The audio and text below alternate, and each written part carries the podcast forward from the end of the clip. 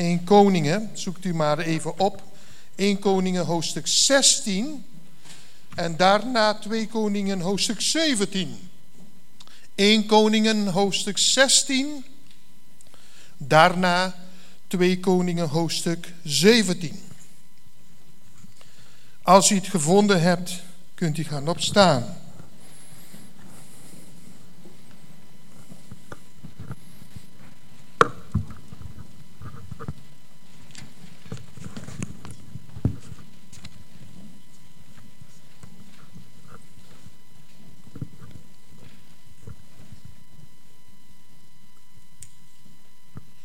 1 Koningen hoofdstuk 16, daar wil ik lezen vanaf vers 23.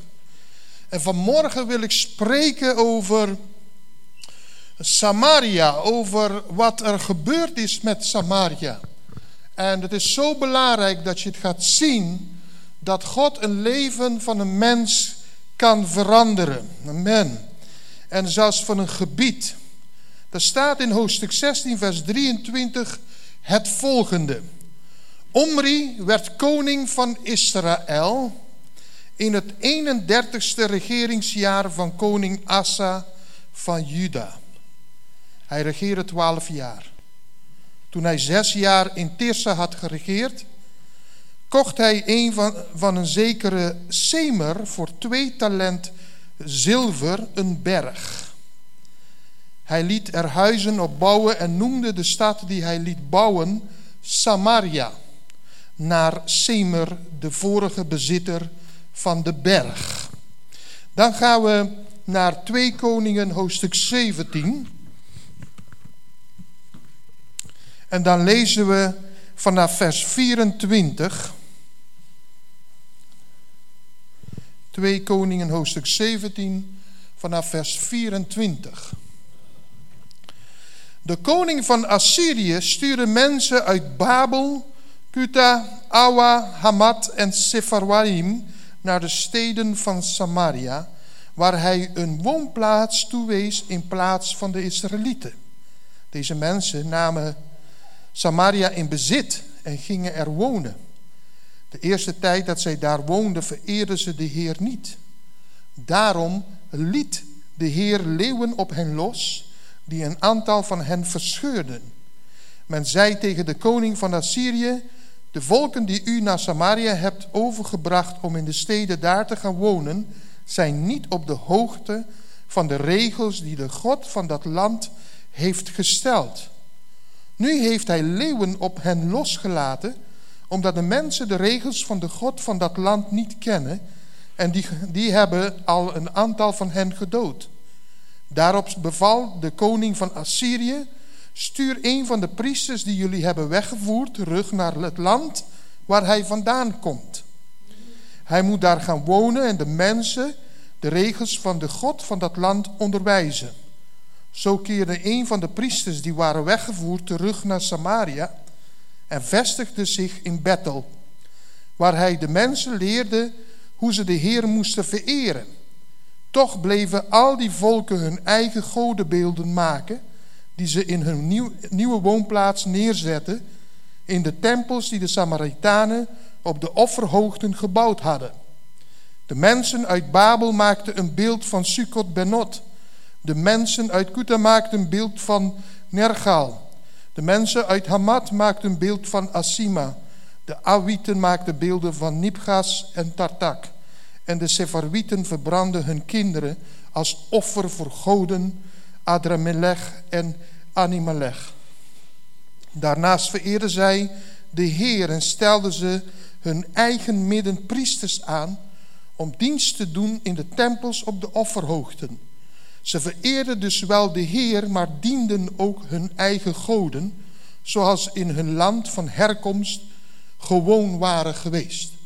Ik wil ook nog vers 40 met u lezen van dit gedeelte. Maar ze hebben niet geluisterd en houden nog altijd vast aan hun oude gewoonte. Vader, wij danken u voor dit woord.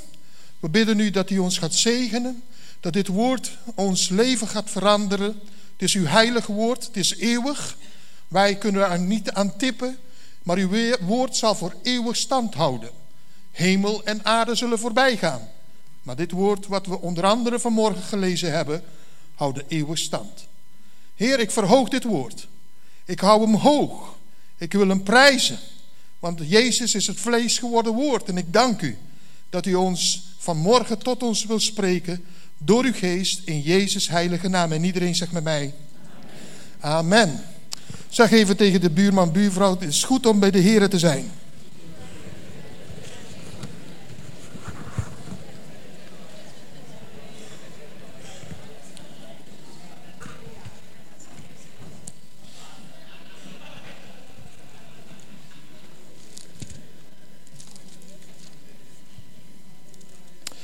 De Bijbel leert ons in dit gedeelte eh, van 1 Samuel of 1 Koningen hoofdstuk 16, vers 23 en 24, het ontstaan van een gebied dat heet Samaria. En de mensen die daar wonen, die werden Samaritanen genoemd. Het is niet een, het is niet een stad, het is niet een dorpje, het is een vrij groot gebied. En zometeen zult u ook een en ander gaan zien op de op, het beeld dat wat Samaria eigenlijk is. Want Samaria is best een, een groot gebied. En ik zal u meer vertellen over dat wat er gaande is, nog steeds gaande is in de, dat gebied van Samaria.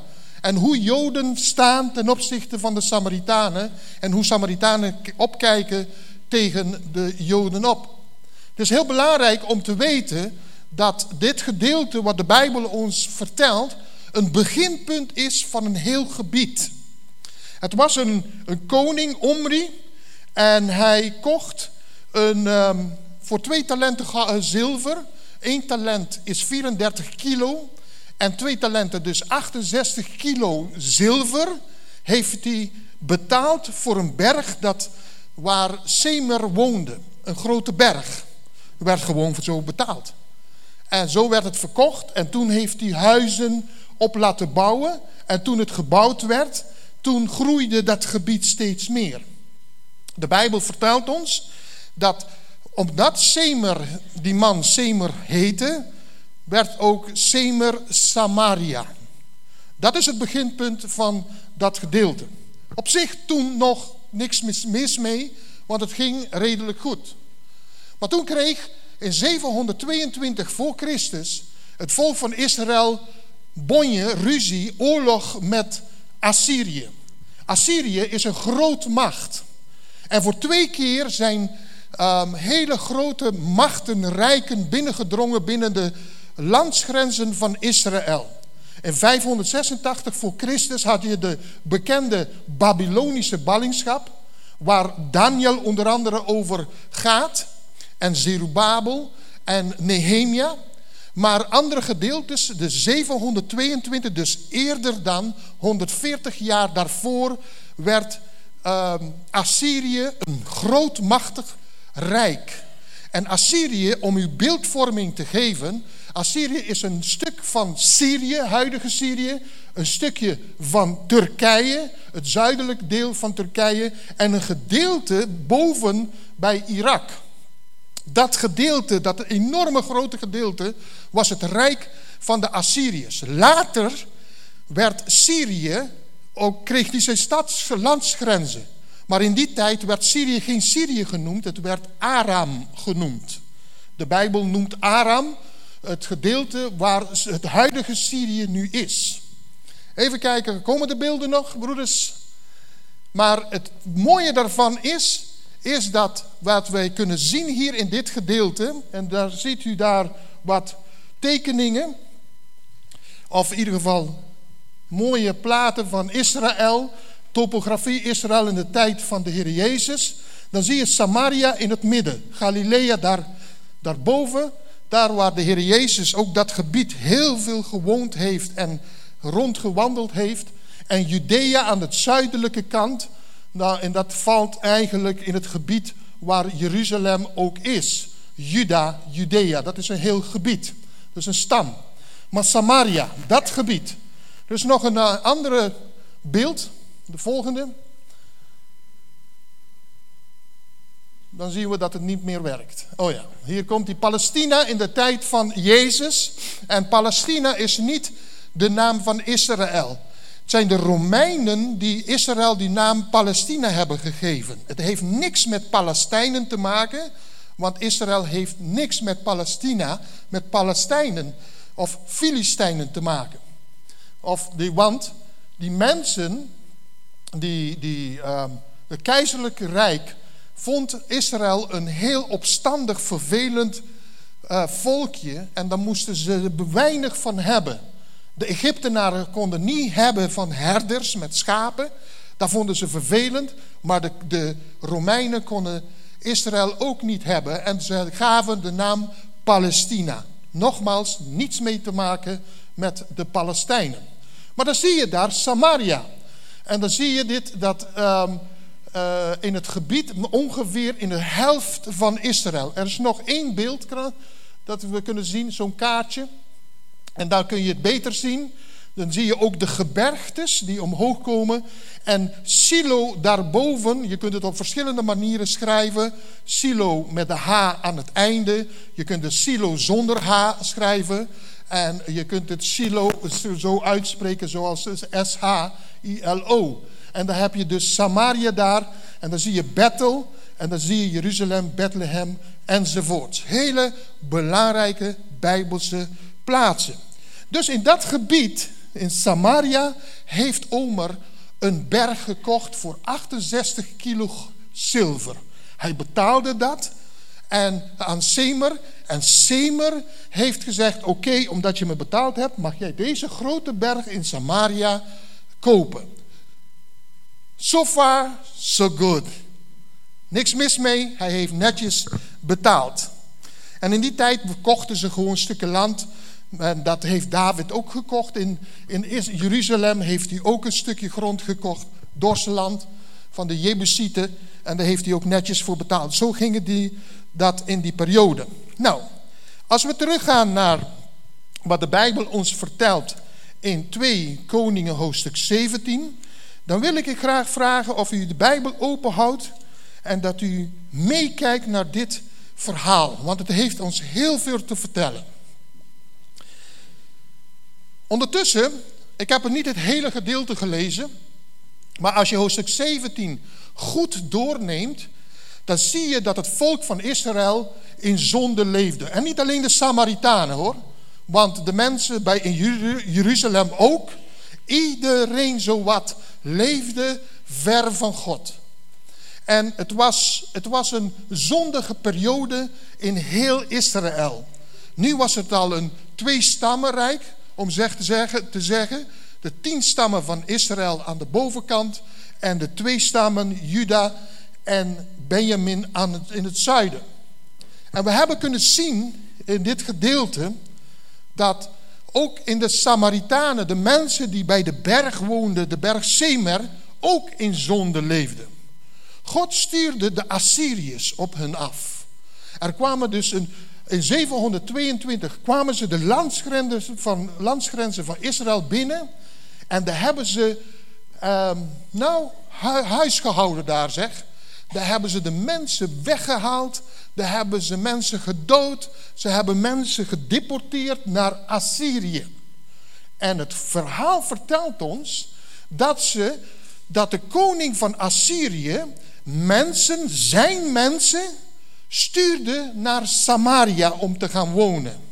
Hij haalde dus het land, het, de streek helemaal leeg en hij stuurde zijn eigen mensen om daar te gaan wonen. Maar die mensen, die leefden ook in zonde, gingen hun eigen goden aanroepen, gingen eigenlijk zowel het Joods geloof aanhangen en hun eigen afgoden af aanhangen. Het werd eigenlijk een milkshake van dat is niet te drinken.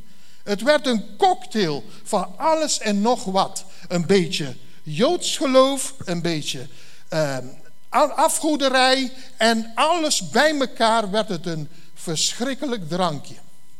En mensen, mensen leefden heel ver van God af. En andere plaatsen in Israël gebeurde dat ook. En toen liet God leeuwen los.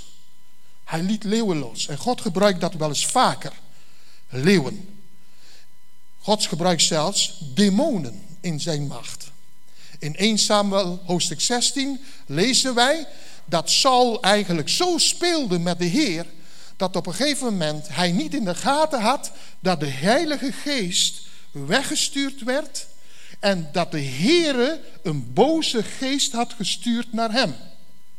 En hij raakte dus bezeten. Hij ging rare dingen doen. En deze Samuel, oh, Saul had dat niet in de gaten. En de Heere had macht over de boze geest. De boze geest kwam niet uit het wezen van God, want God is heilig, God is rein, maar God heeft wel macht om te zeggen tegen boze geesten: ga naar links of ga naar rechts. En dan moeten ze maar doen. En zo zond hij een boze geest naar Saul toe. Maar de Bijbel leert ons dat God ook um, heel veel dingen gebruikte. Denk maar aan de, aan de leeuwenkuil van Daniel. Dat Daniel daar zat, lag, stond, liep. En al die tijgers en leeuwen daar waren. En ze niemand raakte of likte hem. Ze lieten hem met rust. Maar toen Daniel eruit ging en de soldaten daar binnen gebracht werden, dan werden ze voordat ze de grond raakten al opgevreten door de leeuwen. De Bijbel leert ons dat. Daarna zegt de Bijbel ook iets anders. Oh, wat denkt u over machtig iets van God? Dat Sadrach, Mesach en Abednego, de drie vrienden van Daniel, in het vuur geworpen werden. En dat deze drie vrienden eigenlijk ook liepen en ze zagen een vierde en samen wandelden ze in dat vuur. En de Bijbel vertelt ons dat ze in dat vuur wandelden, een oven die zeven keer um, harder gestookt werd. En er was geen stukje haar, geen kleed, niks verbrand. Maar toen ze eruit kwamen, hebben ze de soldaten erin gegooid. En voordat ze het vuur aankwamen, waren ze al verteerd door de hitte. Lieve mensen, God gebruikt situaties. En hier in dit gedeelte kan me zo voorstellen dat God zei: leeuwen, tijgers, en nu daar naartoe, naar Samaria. En ze verslonden mensen, aten mensen op. En toen zeiden de Assyriërs, de God van Israël en dit en dat kwamen. En toen zei de koning, stuur een van de priesters die in ons land is, gedeporteerd is, in ballingschap is. Stuur die priester, een hoge priester, naar Samaria. Zo gezegd, zo gedaan. En die priester die kwam naar Samaria.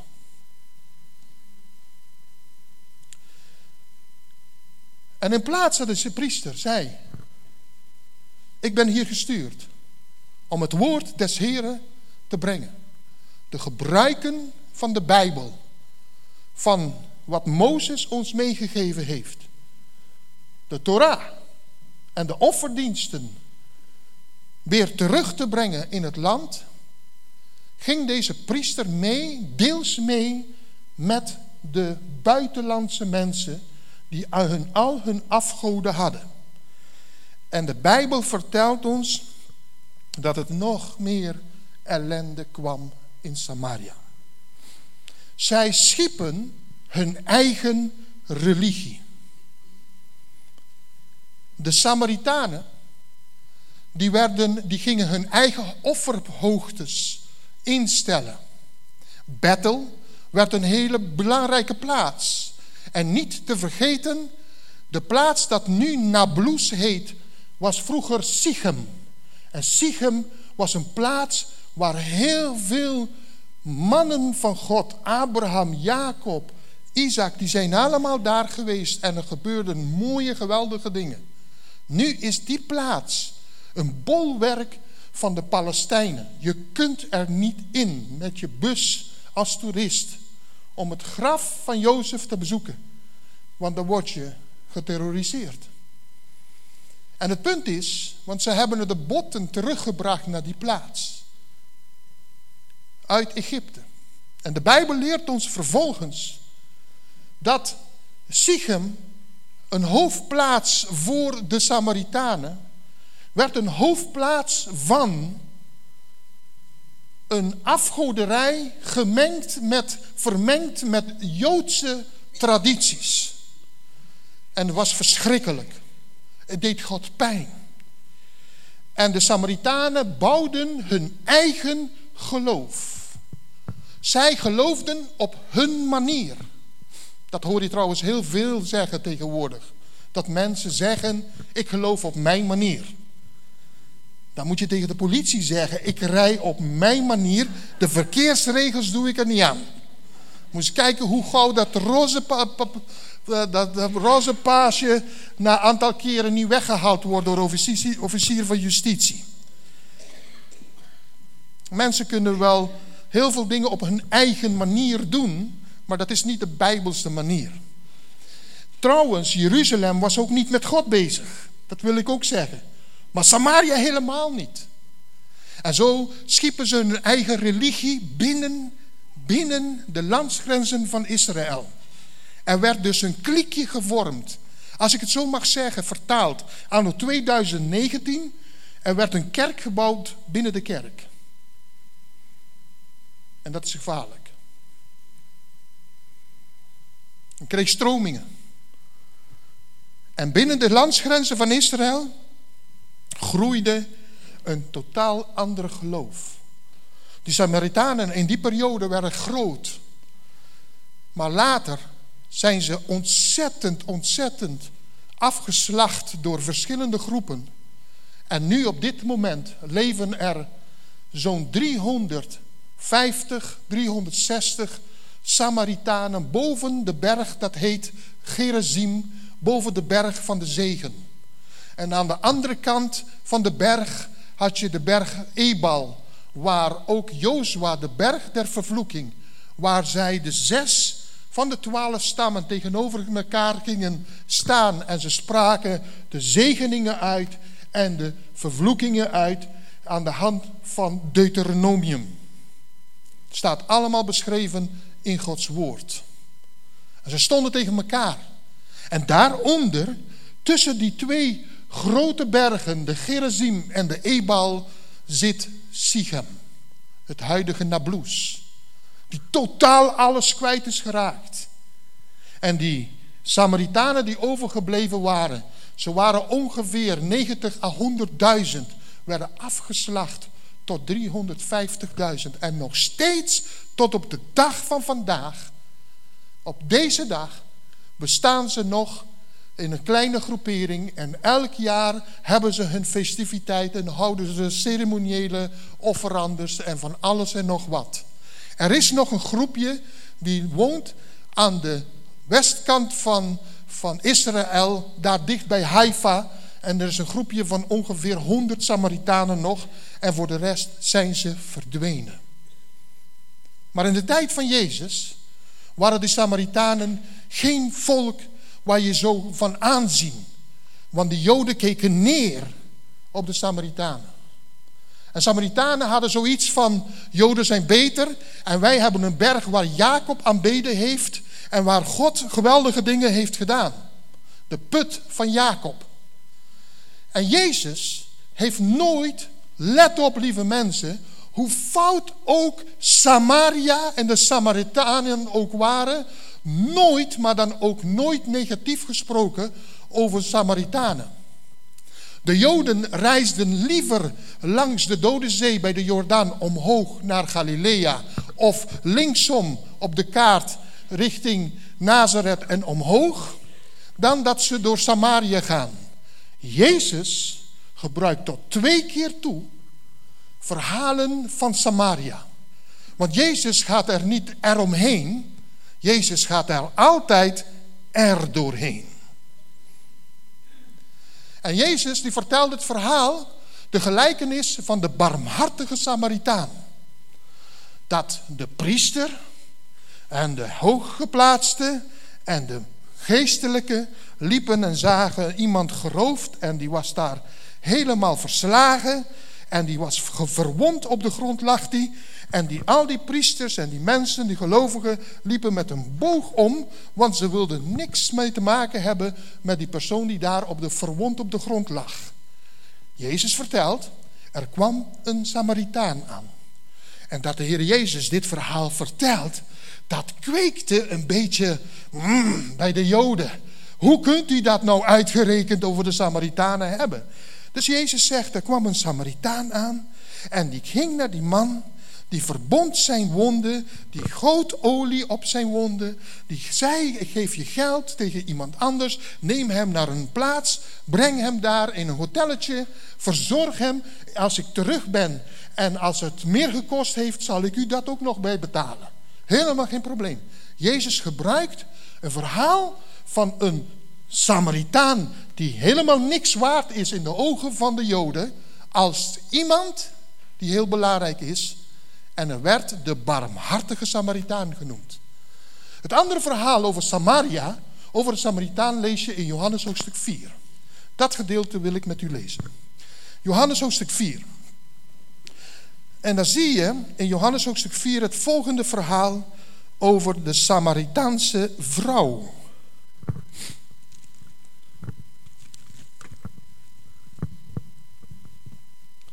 De Samaritaanse vrouw. De Bijbel vertelt ons in hoofdstuk 1 tot en met vers 6 het volgende. Zoekt u het maar op, het wordt geprojecteerd. Johannes hoofdstuk 4, vers 1 tot en met 6. Daar staat geschreven, toen Jezus hoorde dat aan de fariseeën verteld werd dat hij meer leerlingen maakte en er ook meer doopte dan Johannes. Jezus doopte overigens niet zelf. Zijn leerlingen deden dat. Verliet hij Judea in het zuiden van Israël en hij ging naar het noorden, naar Galilea. Daarvoor moest hij door Samaria heen. Zo kwam hij bij de Samaritaanse stad Sigar. Vandaag, aan de dag, is het een stad naast Sichem Nablus. Het is ongeveer, Sigar is ongeveer 6 kilometer van Sichem vandaan. Dicht bij een stuk grond dat Jacob aan zijn zoon Jozef gegeven had. Waar de Jacobsbron is. Jezus was vermoeid. Zelfs Jezus kan moe zijn. Van de reis en ging bij de bron zitten. Het was rond het middaguur. En toen, toen kwam een Samaritaanse vrouw. Het verhaal spitst toe dat de Heer Jezus heel veel wist van deze vrouw. En opmerkelijk is dat de Heer Jezus deze vrouw niet veroordeelt. Ga en roep uw man. Nee, het is uw man niet. En die vijf anderen die je samen mee geleefd hebt, waren je mannen ook niet. Deze vrouw had zes mannen gehad. En Jezus, die liet haar zien dat zij levend water kon krijgen. En kon veranderen. En dat ik nooit meer, nimmer meer dorstig zou hebben. En dat God op zoek is naar mensen, waarlijke aanbidders. In geest en in waarheid. En de Bijbel leert ons hier in dit gedeelte dat die vrouw zo perplext was, zo perplext. Ze kreeg niet van de Heer Jezus en jij bent vies en je bent vuil en je bent een smerig iets en jij moet je bekeren. Die vrouw was zo perplext dat Jezus openbaringen gaf van haar leven dat ze gewoon op uh, verblijd er wegrende. En ze ging naar de stad en in Sichem. En ze riep iedereen bij zich. En die zei, ik heb de Messias gevonden. De Messias. Hij wist van mijn leven af. Hij kon het niet weten. En hij wist het. Kom met mij. Op dat moment kwamen net die twaalf apostelen, die anderen. En die dachten bij zichzelf, hoe kan nou Jezus nou met zo'n vrouw aan het praten zijn? Dat doe je toch niet? En Jezus was in een gesprek met, met deze vrouw. Samaria.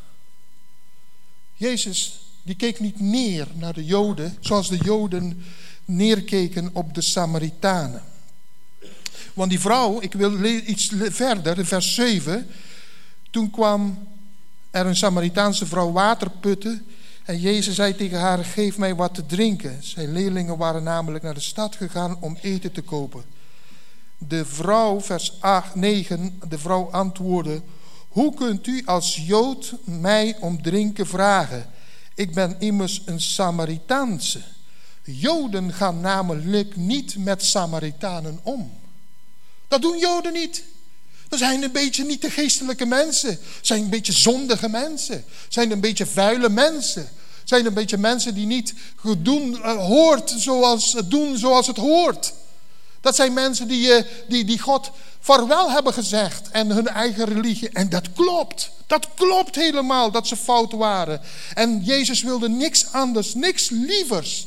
Dat de Samaritanen tot geloof zouden komen in de enige ware God. En zoals God het gegeven heeft naar zijn woord. Maar hij wilde ook dat de Joden die neerkeken ook veranderd zou worden.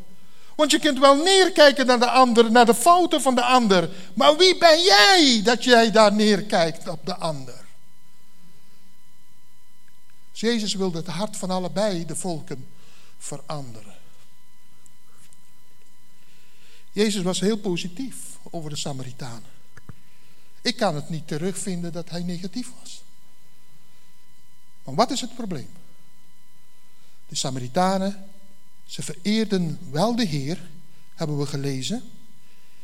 Ze vereerden wel de Heer, maar dienden ook tegelijkertijd hun eigen goden. Rara, hoe kan dat? Hoe kan je nou God dienen, de God van Israël, terwijl je ook je eigen godjes, afgodjes ook dient? En de Bijbel zegt in vers 33 van 2 Koningen hoofdstuk 17, ze vereerden dus wel de Heer, maar dienden ook hun eigen goden, zoals ze in hun land van herkomst gewoond, ehm, gewoon waren. Dat deden ze gewoon. En eigenlijk pakten ze het, het, als het ware, pakten ze het geloof van Israël een beetje bij. Nou, klinkt goed hoor. Het klinkt prima hoor. Oh, dat is mooi, die ceremoniële offerandes. En die spijsoffer, dat is mooi. En een beetje brandoffers, leuk, lekker geurtje. Oh, ruik je dat ook? En dan lekker dat eten ook. Dat is heel fijn. Die offers vonden ze prima, maar ze aanbaden ook hun eigen afgod. En eigenlijk is dit het equivalent, het beeld van christenen die de Heer Jezus wel hebben leren kennen, het beeld van Jezus wel hebben aangenomen in hun leven, maar niet losgekomen zijn van de oude gewoonten van vroeger. Dit is het beeld wat het ons laat zien dat je wel een christen kan zijn en nog altijd vast kan zitten aan oude gewoontes. De Bijbel laat ons hier zien in vers 40, maar ze hebben niet geluisterd en houden nog altijd vast aan hun oude gewoontes. Ze werden wel gelovigen genoemd. En ze liepen alles mee en ze deden aan met alles mee met offers. Zoals in die tijd een kerkdienst gehouden zou worden. Maar ze waren niet van harte bekeerd. Ze deden nog vele dingen die verkeerd waren in hun leven. Ze waren nog zondig. En dat geldt nu voor de Samaritanen, maar het geldt ook voor de Joden. Want dat, als je dat verder leest, dan zie je dat niet alleen de Samaritanen verkeerd bezig waren, maar ook de Joden bij de tempel. Dat ze ook God vergaten. Dat ze de Heer niet dienden. Dat ze ook offers brachten, maar alleen voor de oog van de mens. Misschien zaten ze heel vroom. Of misschien zaten ze met de handen omhoog. En ze waren springen. Of ze waren heel ingetogen. Maakt niet uit. Maar ze waren niet veranderd. En God wil dat we niet gebruiken overnemen, maar God wil dat ons hart verandert. Hij wil dat we ons bekeren en breken met oude gewoontes. Hij wil dat zondes uit ons leven weggaan. Hij wil dat we het leven van Jezus krijgen in ons. Dat als mensen aan ons zien, dat die niet zien, oh, wat een leuke keer of een leuke dame. Maar dat hij Christus in ons ziet. Hij wil dat we de vreugde van God gaan zien. Dat we niet mensen zijn die een beetje bozig, een beetje... Kijk eens, ik kom eraan, hij is een heilige man. Ja, als je naar hem kijkt, dan ben je, word je bijna, bijna bang. Heb je niks aan. Kerken zitten vol met die bange maken mensen. Wat de kerk vol moet zitten is, vol van moet zitten is, van mensen die veranderd zijn door het bloed van Jezus Christus. Die nieuw leven hebben ontvangen. Dit, dit, dit, laat me niet los de laatste tijd. De Heilige Geest. Ik bid tot de Heilige Geest. Ik zoek God en ik vraag God. God, wat is zo belangrijk dat u me wil geven de laatste, deze komende tijd? En elke keer komt die tekst in mijn hoofd. De vreugde van de Heer is jouw kracht. Mensen moeten niet alleen maar een leuke kerkelijke traditie zien. Mensen moeten Jezus, de vreugde van Jezus in mijn leven zien. Want daar gaat het om. Veranderd. Breken met oude gewoontes. Breken met verkeerde dingen. En misschien ben je, zit je hier vanmorgen en je bent christelijk en je komt naar de kerk. Maar er zijn dingen die jou achtervolgen. Ik veroordeel je ook niet.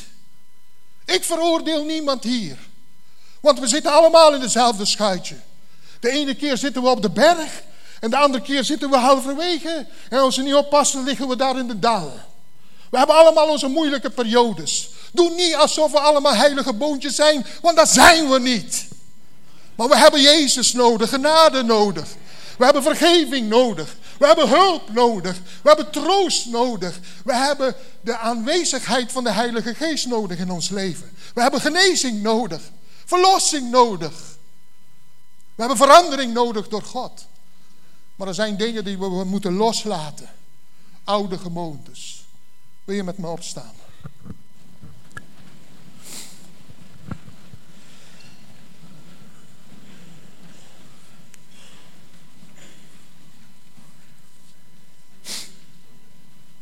Soms laat u leeuwen los, Heer. En u deed dat letterlijk over het land van Samaria. Maar wij moeten ook veranderen. We moeten niet zelf ingenomen zijn met onze religie en onze tradities. Want daar heb je helemaal niks aan. U kijkt ernaar en u misschien walgt u zelf ervan. Al onze bijbelteksten, daar heeft hij ook in, in principe weinig aan. U wil veranderde harten liefelijke harten, vergevende harten. Harten die mensen werkelijk, dat heeft hij ook met ons gedaan. En uitgerekend met die barmhartige Samaritaan. Al die mooie priesters en, en gelovigen die liepen met een boog om. Het was net die zondige man, die vuile man die in, waar Joden op neerkeken. Net hij kwam en hielp deze verwonde man. O Heer Jezus. We zijn allemaal verwond in ons leven. Ik heb liever met de hakken over de sloot in de hemel binnen te komen, dan vol de hel binnen te gaan. We moeten veranderd zijn, zeer. We hebben de Heilige Geest nodig. We hebben de Heilige Geest nodig in ons leven. En we willen breken met oude gewoontes in ons leven.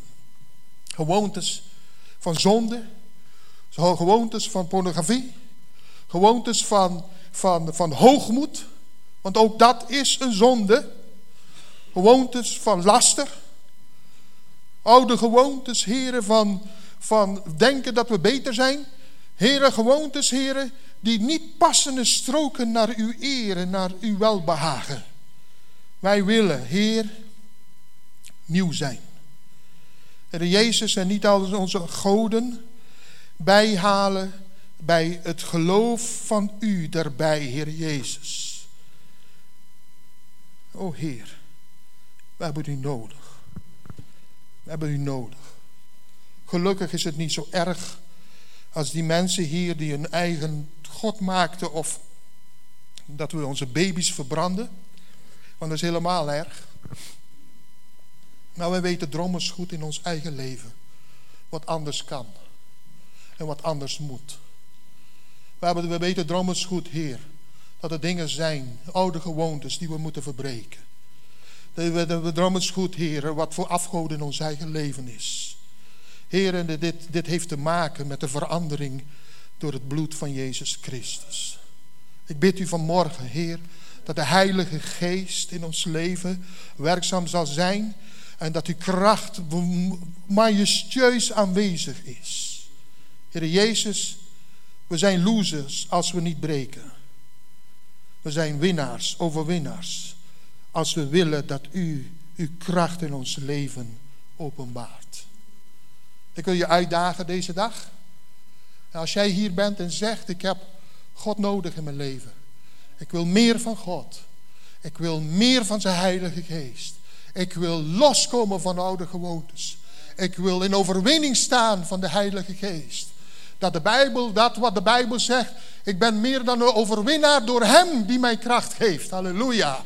En Hij die mij is, is meer dan die in de wereld is. Halleluja. Leven tot Zijn eer en tot Zijn glorie. Hef je hand omhoog, ik wil voor je bidden.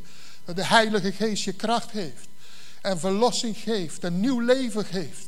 Dat je vol van Hem mag zijn, vol in Zijn kracht, vol van Zijn sterkte. Dat God Zijn vuur en Zijn Heilige Geest in je leven geeft. Meer en meer. Misschien ben je hier ook ziek. Ik geloof dat Jezus rondging en helende, genazende, genaas allen die overweldigd waren door de duivel. Dat Jezus genezing is. En zijn genezing is dezelfde vandaag. Ik geloof het. Ook al heb ik pijn hier of pijn daar. Ik geloof het toch, want de Bijbel zegt het. En niet omdat ik zelf misschien pijn heb, dat ik dat niet meer geloof. Ik blijf het geloven, al zit ik onder de zweren. God is dezelfde, halleluja. Hij is dezelfde. Hij is de geneesheer. Misschien ben je ziek. Misschien voel je iets in je lichaam. En het is niet goed. In jouw geest, in jouw hart verbroken is. God wil hier profetisch genezen. Wie wil je helpen. God wil je profetisch in de zin van dat hij jou laat zien dat hij wat hij gezegd heeft ook zal doen in je leven. God wil het doen. God is dezelfde. Mensen, de handen die opgestoken zijn, kom maar naar voren. We gaan voor je bidden. We gaan geloven. Kom naar voren. Voel je vrij. Voel je vrij om naar voren te komen deze dag. We willen de liefde van God ervaren. De Heer is dezelfde vandaag. We willen alle dingen verbreken in de naam van Jezus. Hij is dezelfde, gisteren, heden tot in alle eeuwigheid. O Heer. O Heer. We geloven dat u dezelfde bent. Komt u maar. Halleluja. Halleluja. Marco, misschien kun je ons helpen. Begeleiding. Laat de geest jou leiden, man. Halleluja. David speelde. En Saul werd gek. Maar hij speelde onder de leiding van de Heilige Geest. God is hier, weet je dat? God is hier. En hij wil je helpen. In jouw lichaam, in jouw geest, in je ziel. Dank u, Heer Jezus. Als je ervaart dat je moet knielen, voel je vrij. Als je wil staan, sta je. Als je voelt dat je moet gaan zitten, ga maar zitten. Maar weet dat de Heer hier is. En God wil dat wij alle oude gewoontes verbreken in ons leven. Dat wij niet kerk spelen, maar willen een heilig lichaam van Jezus zijn. We kunnen niet iedereen naar de zin maken, maar weet wel dat we oprecht de Heer willen dienen. De Heer is hier. En zijn zalving is hier. Halleluja. Mensen die hier staan, alstublieft, geef de mensen gelegenheid die in de rij staan. Schuif een beetje op, alstublieft. Zoveel mensen. Holy Spirit, be among us. Wees in ons midden. Ik wil je vragen, als het kan, je hand op te heffen. Als je ergens ziek bent, je hebt ergens pijn. Leg je hand daar waar de pijn is. En dat de heling van de Heilige Geest je geneest. Je geneest. Heilige Geest, waai over ons. Waai over ons. In de naam van Jezus. Heling en genezing In Jezus' naam. In Jezus' naam. In de naam van Jezus. Ziekte, laat los. In Jezus' naam. Ik bestraf je. En de macht van de Heer Jezus. Genezend mag rondgaan. Hier in deze plaats nu. Op ieder persoon. Legt u uw hand op de mensen. Al die mensen, Heer. Raak ze aan. In de naam van Jezus. In Jezus' naam. Jezus, we geloven dat u de wonderdoener bent. En uw streamen is onze gezondmaking geworden. Kan ik amen opkrijgen? Kan ik amen opkrijgen? Geef dan de Heer applaus, broeders en zusters. Om te danken, om te danken, om te danken. Halleluja. Om te danken. Om te danken. Ons applaus is alleen om te danken. Om te danken. Want in de hemel gaan we applaudisseren, juichen, knielen, zitten, liggen, aanbidden, staan, rennen. Ik weet niet wat we allemaal gaan doen, Heer. Maar ik weet dat het één ding, we zullen onder de indruk zijn van uw heiligheid. Ik wil u bidden, Heer, voor ieder die hier is ook. Want daar ging de preek over. Dat al die gewoontes, die oude gewoontes, die vermengd zijn geraakt in de loop der tijd met je geloof. Dat je het loslaat en verbreekt. Je weet het. Spreek het tot de Heer nu. Spreek het tot de Heer nu. Zeg het in je geest. Zeg het hardop. Als je wil. Wat je moet loslaten. Dat je dat wil loslaten. En dat je wil breken met de oude gewoontes. Omdat je Jezus wil volgen. Is het je temper? Is het je bozigheid? Is het je, misschien je valse bescheidenheid? Is het misschien je nederige hoogmoed of hoogmoed die nederig is? Of wat het ook is. Verbreken we het in de naam van Jezus. Heilige Geest van God, doe uw werk in ons. Doe uw werk in ons. Het werk van u. En u bent hier, Heer, in ons midden. U bent er. Holy, holy, holy. Heilig, heilig, heilig bent u, Heer. Een driemaal heilige God. Een driemaal heilige God bent u, Heer. Verlossing en genezing. Het woord des Heeren luidt. Mijn kind, je worstelt al lange tijd met tekortkomingen in je leven. Zoals ik zat bij die vrouw, de Samaritaanse vrouw aan de put. Zonder dat zij mij dat vertelde, vertelde ik haar wat loos was in haar leven. Maar ik zeg tegen jou dat ik het ook weet. Wat er loos is in jouw leven. Ik wil je vragen om dat los te laten. En alles aan mij te geven, zegt de Heer. Ik voel dit heel zwaar op mijn hart. Trouw mij, zegt de Heer. Geef het over. Drink niet alleen het water van de put die je dagelijks drinkt, maar drinkt niet alleen van jouw gewoontes en van waar je gebruik, gebruiken zijn en wat je normaal doet, maar drinkt van mijn water, zegt de Heer. Want daar zal je nooit meer dorst krijgen. Ik weet van jouw leven en je tekortkomingen, zegt de Heer. Maar ik wil je verlossen. Ik wil je dat je happy bent. Ik wil dat je gelukkig bent. Maar breek met die oude gewoontes.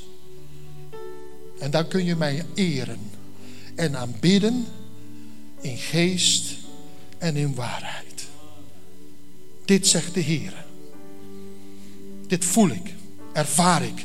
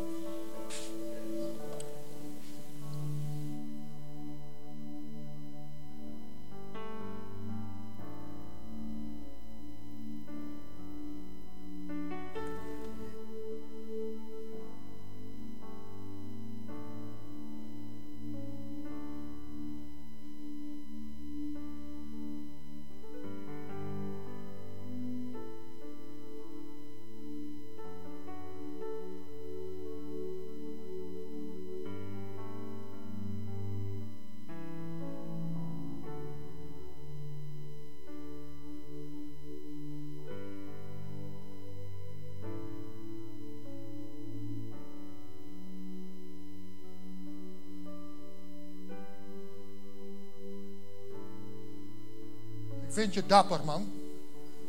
Ik vind je een held vandaag. Laten we de Heer prijzen voor deze man. Ik wil je vragen om naar voren te komen, broer. Vandaag is de dag van verlossing voor jou. Zacchaeus, je komt uit die boom. Vandaag is de dag. De Heer verlost jou. Hij werkt in jou. En hij verlost je vandaag. Je bent een held in Jezus. Je bent geen loser, maar vandaag ben je een winnaar. En wij danken God voor dit. Halleluja. Jezus, in de naam van u wil ik deze broeder zegenen. In Jezus' heilige naam. Heilige Geest van God, u bent een God die alles weet. En hij wil een nieuw leven. Kom maar, zegen hem. Leg je hand op hem. Zegen hem. Zegen hem. Broeders, zegen hem. Halleluja. Hier is de overwinnaar, hier op, de, op zijn knieën. Ik vind je held, man. Ik vind je held. Niet omdat je dat gedaan hebt, maar daarom dat je het beleden hebt in de naam van de Heer. En de Heilige Geest is hier. Hij is hier. En hij wil jouw leven veranderen. Hij heeft geen instant, ik geef je iets en bam klaar. Jij moet ook breken met oude gewoontes. En die oude gewoontes, die volgen, die achtervolgen je. En ik wil je dit zeggen. Dit is wat de Heer heeft gezegd. Dit is wat gebeurd is aan de berg Gerizim en de berg Ebal. Het volk van Israël kwam binnen via Jericho. Het land moest verdeeld worden. En ze moesten al die andere volken wegjagen. Hebben ze gedaan? Behalve de Filistijnen. Behalve de Filistijnen. En die Filistijnen kwamen keer op keer op keer terug in hun leven. Als je niet afrekent met je zonde, dan komt de zonde weer keer op keer terug in je leven. Vandaag is niet een dag van hoe slecht je bent. En dat je, oh wat ben jij, heb jij daar gedaan? Oh nee, wat verschrikkelijk. Vandaag is die dag niet. Ik hou daar niet van, want Jezus houdt daar niet van. Maar vandaag is de dag van overwinning. Van de dag van verlossing. De dag van nieuwheid in van leven. Geef de Heer aanbidding. Amen. Vandaag is verlossing in zijn naam. Halleluja. Halleluja. Vandaag is de dag van verlossing. De dag van verlossing. Hora La Santoria. Laten we onze handen opheffen naar Hem en Hem prijzen. Heer, Heer, Heer.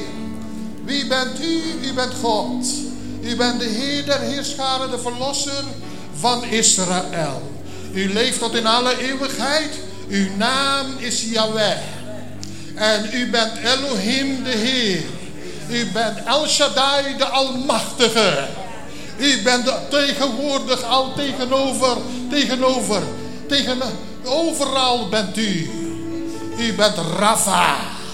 U bent de alles altijd aanwezige geneesheer. Halleluja. En ik bid u, Heer, dat uw volk zegent. Uw volk geneest. Wij zijn geen losers als wij ons leven in orde maken. We zijn winnaars in Jezus. Halleluja. Oh, lieve mensen, prijs de naam van Jezus. Waar is het Maranatha Worship Team? Oh, ga niet zitten, ga niet zitten. Blijf hier. Laten we de Heer een feestje bouwen voor de Heer. Kom, laten we de Heer groot maken. Kerel, halleluja. Prijs de Heer. Amen. Laten we een feestje bouwen voor de Heer. Ga niet alstublieft weg. Blijf alstublieft. Blijf, blijf. Ja. Amen. Spreek.